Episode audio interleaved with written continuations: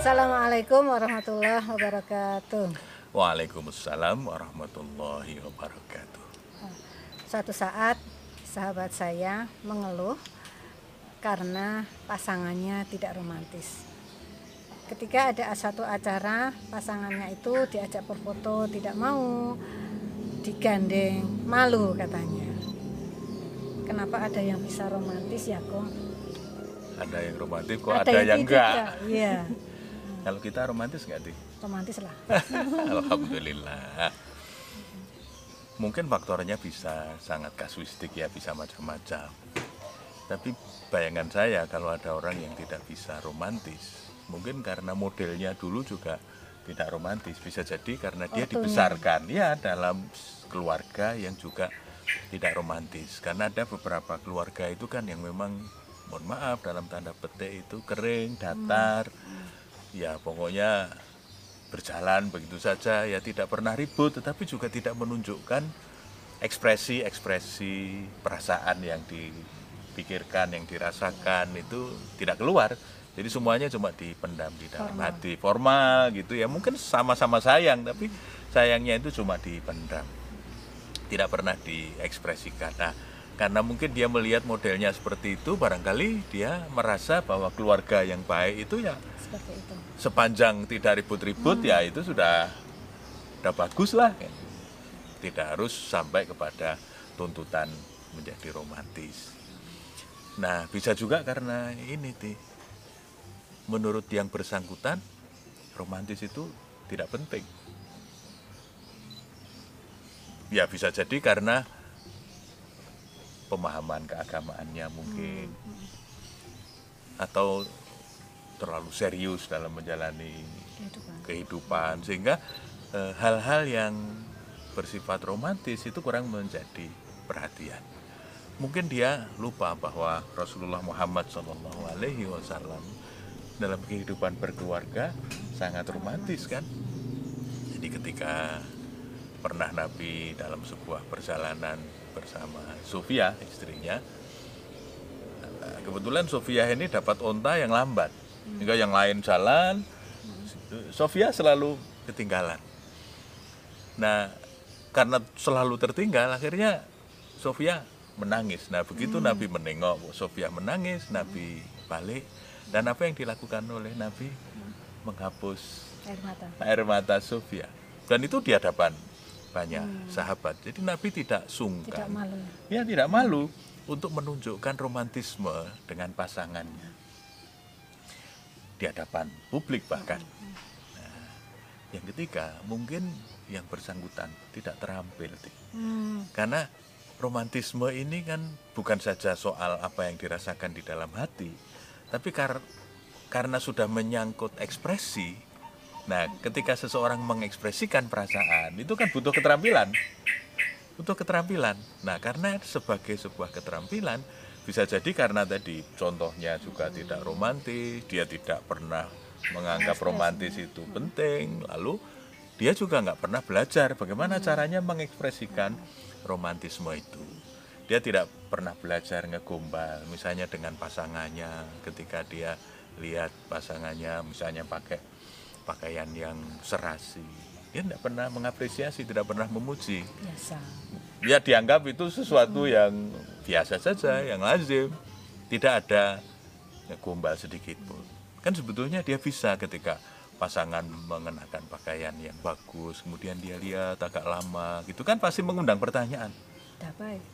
Ada apa ya kok melihat enggak kok hari ini kamu cantik sekali. Oh itu meskipun yang menerima mungkin akan bilang ah gombal gitu, tapi pasti akan suka karena apa yang dia peragakan di hadapan pasangannya itu dihargai, diapresiasi.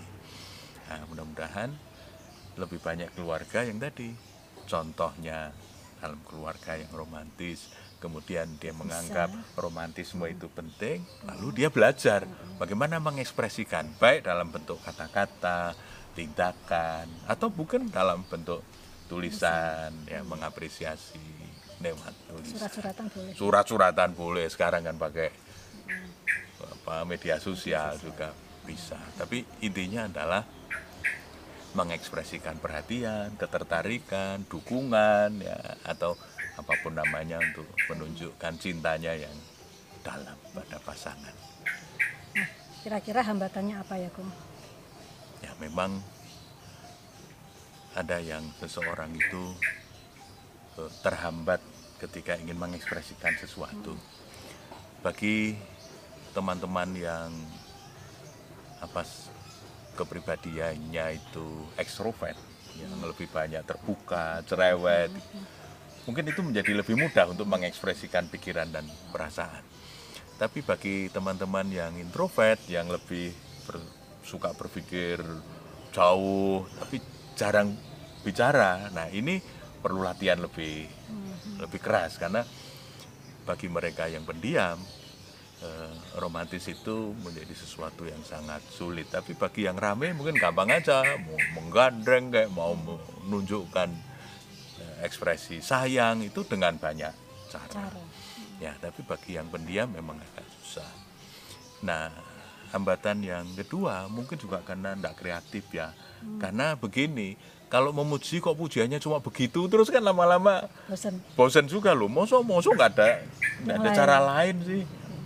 Cara ngegombal yang bervariasi. Nah, makanya banyak teman karena mungkin menganggap itu tidak penting lalu jadi nggak melatih kreativitasnya bukan saja di dalam berkarya tetapi di dalam tadi mencoba memilih ungkapan, memilih kata-kata, memilih momentum untuk mengekspresikan romantismenya itu. Misalnya suatu kali turun dari mobil atau mau Gandeng, masuk pegang. mobil, bukakan pintu kan. Itu sebuah sebuah romantisme kecil yang pasti akan sangat menyenangkan pasangannya. Atau turun digandeng. Kan ada yang merasa kalau mau masuk ke resepsi kan biasanya istri yang pegang tangan kita. Nah, suatu kali ya ini Suami. suami yang berinisiatif kan istri yang digandeng oleh suaminya jadi siapa yang menunjukkan inisiatif nah tapi karena tidak pernah latihan mungkin ya dia tidak kreatif untuk ini apa ya mau mau mau menunjukkan romantisme dengan cara apa nggak ada nggak ada bayangan sama sekali makanya memang harus dilatih gitu. Kemampuan untuk romantis itu karena sebuah keterampilan itu harus dilatih berulang-ulang. Supaya apa? Ya mungkin awalnya sih lucu ya kayak kayak kita bikin skenario bagaimana caranya memuji bagaimana caranya menunjukkan apa kedekatan. Tapi ya lama-lama dari apa yang ya tadinya harus pakai skenario harus harus ditulis dulu mungkin harus dirancang. Lama-lama kalau sudah biasa itu akan akan menjadi spontan nah spontanitas spontanitas itu yang membuat bumbu dalam perkawinan menjadi lebih menyenangkan ya. Iya. Ada tips ya, kok? Ya sebetulnya kalau di dalam agama Imam Suti pernah menceritakan suatu ketika Rasulullah itu mengatakan begini Innar rojula idza nadhara ila imraatihi. Jadi orang itu kalau memandang pasangannya wa nadharat ilaihi. Dan kemudian istrinya itu genti memandang balik ya. Lalu nadharallahu ilaihi ma nadrata rahmah maka Allah akan melihat keduanya ini yang sangat romantis ini nadrata rahmah. Dengan pandangan penuh kasih sayang. seneng Allah seneng lihat pasangan ini sakinah mawaddah warahmah lalu dikatakan oleh Nabi faida akhadha bikafihima jadi apabila kemudian pasangan ini memegang tangan pasangannya itu apa yang dikatakan oleh Rasulullah? Tasa kotot dunubuhuma jadi dosa-dosanya itu akan berguguran akan terjatuh min khilali asabi'ahima dari sela-sela apa ini? Jari-jari. jari-jarinya. Hmm. Artinya Allah suka betul kalau melihat pasangan itu romantis saling memandang saling berpegangan Allah senang sekali dan dari situ ternyata kemesraan itu menggugurkan dosa-dosa. Nah, secara lebih teknis mungkin begini. Pertama, initiate affection. Jadi kita harus saling memulai. Untuk menunjukkan kasih sayang itu, mengekspresikannya dengan terbuka. Masing-masing. Masing-masing saling berinisiatif. Jadi siapa yang lagi longgar, la- lagi inget ya dia yang berinisiatif. Belajar ngegombal. Ya belajar ngegombal, mungkin dengan sentuhan, mungkin dengan rayuan-rayuan kecil. Tiba-tiba saja pasangannya mengatakan, coba pejamkan mata. Apa sih? Pakai memejamkan mata segala.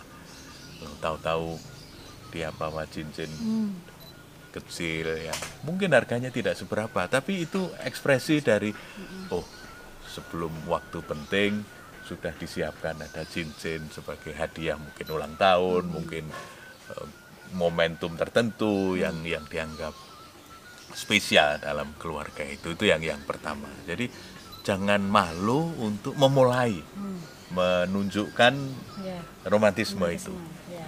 kan ada yang nanti dikira Aku yang seneng. aku yang seneng loh ah, memang nggak seneng sama pasangannya gitu tuh masuk nanti saya dikira sudahlah karena kita ini saling mencintai maka siapa yang mengawali kan baik-baik saja bisa suami bisa istri yang kedua puji Hmm. pasangan ya puji pasangan. Syukur di depan orang banyak. Ya, anak-anak. di depan anak-anak ya di depan teman-teman. Ya enggak enggak usah malu-malu. Misalnya kita lagi menerima tamu lalu ada teman yang bilang mas kelihatan lebih seger ya sekarang saya mungkin dengan berguru akan mengatakan ya karena ada yang merawat. Wah, karena sekarang selalu ditemani di rumah. Tanpa sengaja di hadapan orang saya mencoba memuji Memuji. pasangan saya. Begitu juga sebaliknya. Nah yang ketiga plan a surprise. Hmm. jadi kejutan-kejutan kecil itu penting. Syukur kalau kejutannya Besar- besar, ya kan? Itu bisa dari istri bisa dari suami. Tapi coba rencanakan. Dalam minggu-minggu ini kejutan apa yang Hmm. akan diberikan. Jangan semuanya itu hanya mengalir berjalan begitu saja tanpa apa istilahnya ya bunga-bunga ya tanpa bunga-bunga. Nggak ada rencana yang terbuka, tapi rencana itu misalnya kita sembunyikan tiba-tiba kita usul kita keluar yuk. Hmm. Mau ngapain sih? Wah, tahu-tahu diajak ke showroom mobil. Cuma untuk lihat-lihat lihat-lihat. tidak untuk beli cuma untuk lihat-lihat itu plan a surprise. Nah yang keempat. Kiss your partner Hmm. every day. Wow. oh itu? Cium pasangan anda tiap hari. Ini ini bukan mengada-ada. Resep ini nggak mengada-ada. Karena nabi itu sering kali dalam riwayat diceritakan sebelum berangkat ke masjid sholat berjamaah itu cium istrinya dulu kok jadi luar biasa romantisme keluarga nabi itu. Mau jamaah aja sebelum berangkat cium pasangannya dulu. Jadi peluk cium itu sebetulnya menjadi bagian untuk mengekspresikan kedekatan bersama. Jadi jangan ini berangkat sendiri ke kanan, ini berangkat sendiri ke kiri tanpa kadang pamit aja tidak, say hello enggak, apalagi mencium dan memeluk. Nah. Kemudian yang kelima, tell your partner you love them Hmm. sesering mungkin.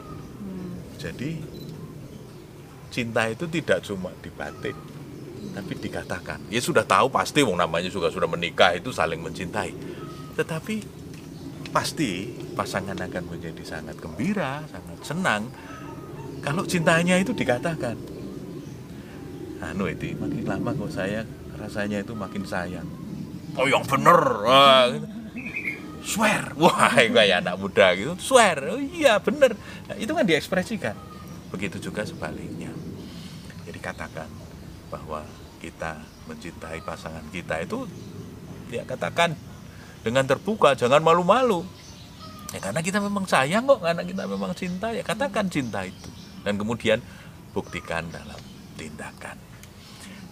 Nah, yang keenam, make your partner special. Jadi feel special ini penting. Jadi make your partner feel special. Jadi ya dengan banyak cara itu kita menunjukkan bahwa partner kita itu very special untuk kita. Oh itu pasti seneng kan? Banget. Banget seneng banget karena ini spesial. Ya mungkin dengan kata-kata. Jadi jangan malu untuk berinisiatif mengekspresikan sesuatu sesering mungkin agar pasangan kita merasa, Merasa spesial. spesial. Nah yang terakhir katakan betapa anda merasa sangat beruntung diberi Memiliki. Tuhan pasangan yang sangat istimewa. Beruntung Pak. Alhamdulillah ya Allah. Terima kasih ya Allah. Kau beri bidadari. Tidak ada duanya. Karena cari yang seperti ini susah. loh. Nah, pemirsa, cinta itu seperti bunga. Mekar indah jika dirawat. Pupuknya adalah sikap-sikap romantis yang dibagi setiap hari. Assalamualaikum warahmatullahi wabarakatuh.